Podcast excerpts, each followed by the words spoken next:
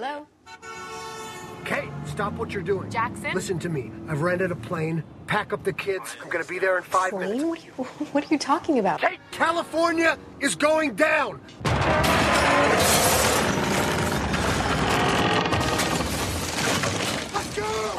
Ja, her er ikke bare California som går ned med mus og mann, men hele verden, faktisk. Dette er fra filmen 2002, der vi ser alle verdens kjente landemerker falle og revne og brekke én etter én. Store bølger skyller inn mot land, landet faller i havet, og ildkuler detter ned på jorden. Dette året, 2012, det regnes jo som året da verden går under. Og det har inspirert mange til å lage film, og inspirert eh, Cinemateket i Oslo til å samle en eh, mengde filmer om hvordan eh, verden og folk går under på ulike vis.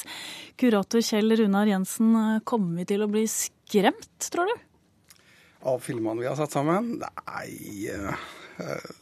Det er jo ikke eh, ukjente titler, det meste vi har eh, funnet fram til, så jeg tror nok folk kjenner seg igjen. Og så er det en del ting her som kanskje kan eh, være med å sette ting i nye perspektiver. Vi har jo prøvd å finne litt grann filmer som har litt grann ettertanke i også, ikke bare det spektakulære og underholdende. Hva er det med dommedagsfilmer som du syns er interessant? Det er jo det at du kan, altså filmskaperen kan finne andre innfallsvinkler til de store dramaene i eh, katastrofefilmen. Um, ofte når du snakker om menneskelige drama, så er, så er det liksom eh, samlivsdrama, eh, de perspektivene du snakker om. Her er det mer den store overlevelsen det handler om. Og da får du kanskje fram andre ting i mennesket enn det, enn det gjør i samlivsdramaen.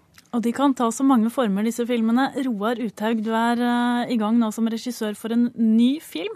Den beskrives i Dagens Næringsliv i dag som Norges første katastrofefilm. Tittelen blir 'Bølgen'. Vi befinner oss i Norge. Hva er det som eh, skjer? Eh, nei, Vi har tatt utgangspunkt i eh, noen sanne fakta, som er at på Åkerneset i, eh, ute ved Tafjorden og Geirangerfjorden så eh, er det en sprekk som utvider seg med noen centimeter hvert år. Og på et eller annet tidspunkt så er det jo fare for at eh, et stor fjellside vil rase ned i fjorden og dermed skape en flodbølge som vil slå innover eh, i fjordsystemene der. Og det er det vår film handler om den dagen hva om det skjer. Hvordan fikser dere dere, den, den, den bølgen, da?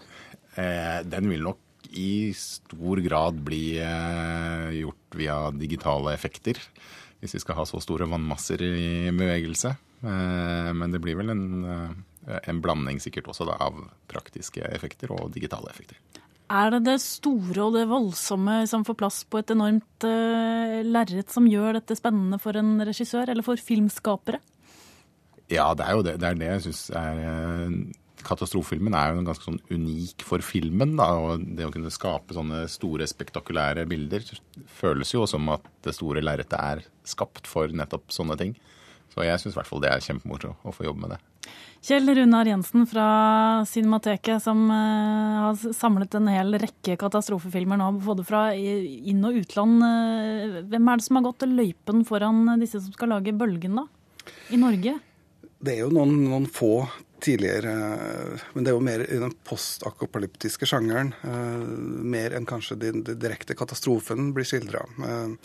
Du har jo filmer som 'Havet stiger', som vi har inkludert i serien av Oddvar Einarsson. Det er jo en sånn uh, liten gruppe mennesker som er samla etter katastrofen, et uspesifisert i Europa. og du har også Lasse Glom som laga 'Sweetwater'. Og nå i sommer så fikk vi også den her 'Mennesker i solen', som jo er en sånn Der er jo katastrofen på en måte i full gang. Mm. Hva er din favoritt blant alle katastrofefilmene? Jeg så en film for ikke så lenge siden som uh, satt skikkelig dype spor i meg. Og det er en film som heter The Turin Horse av Bellatar. Uh, en film som ikke, sikkert ikke så mange som har hørt om, men, men Bellatar er i mine øyne kanskje den største nålevende filmbegavelsen. Og han har erklært det her som sin siste film. Og det er en film som er satt Det kan være for 100 år siden, det kan være etter akopalypsen, men det virker som etter akopalypsen verden måte Så du vet ikke hvorfor noe har gått galt, eller hvorfor alt har gått galt? Nei, du vet ingenting. Og du møter nesten ingen personer i filmen heller. Du bare merker det på måten de oppfører seg på, samtalene de har, at verden stille og rolig går mot slutten. Og det er en helt fantastisk film. Er det vanlig at man ikke legger vekt på årsaken? Altså denne kometen som kommer inn, eller eh, fjellet som raser ned, eller Jeg syns vi har en trend at mer og mer skjer den eh, at du, du dropper hele den katastrofebiten og heller konsentrerer deg om hva, hvordan reagerer menneskene eh, som vet at katastrofen er i ferd med å skje. Hva slags konsekvenser har det for forholdet mellom mennesker osv. Eh, for, fordi at, uh, kanskje fordi at filmkunstnere i større grad interesserer seg for sjangeren enn en tidligere. Jeg vet ikke. Men uh, mm. stadig oftere opplever du det.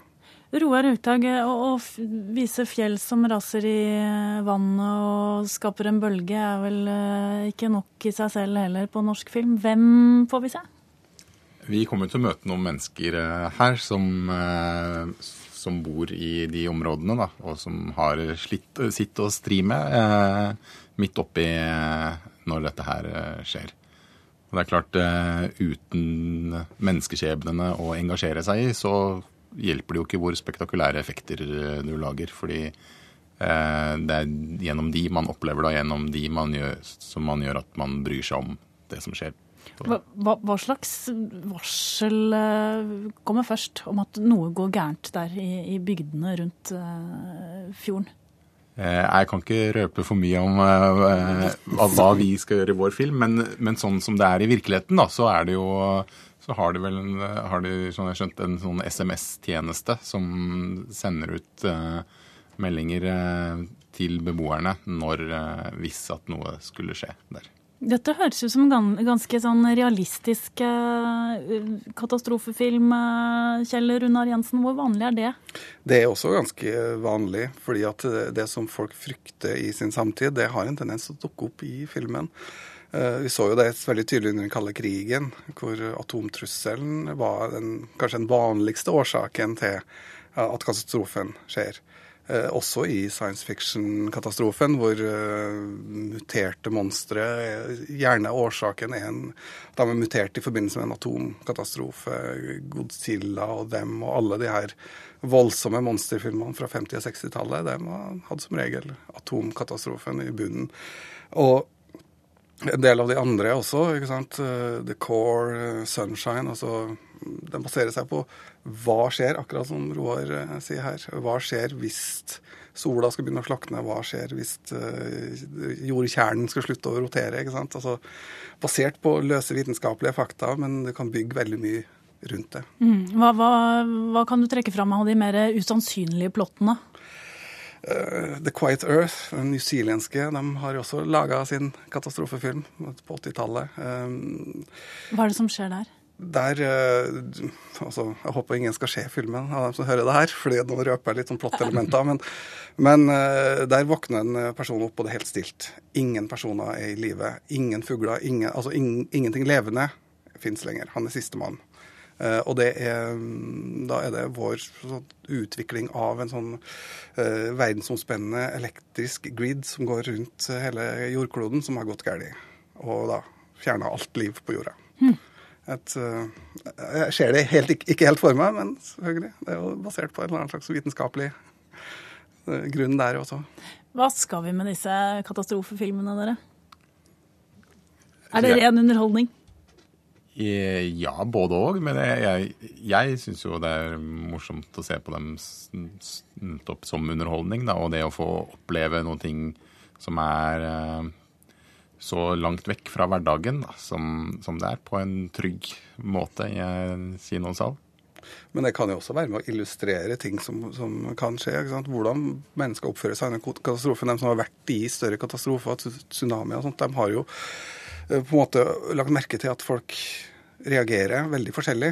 Noen blir bedre mennesker, noen blir dårligere mennesker av mm. å være i en sånn situasjon. Ikke sant? Så Det kan du også formidle i filmen, og du kan gjøre veldig mye som du kanskje ikke kan i annen type film. Så Derfor så har den definitivt sin verdi.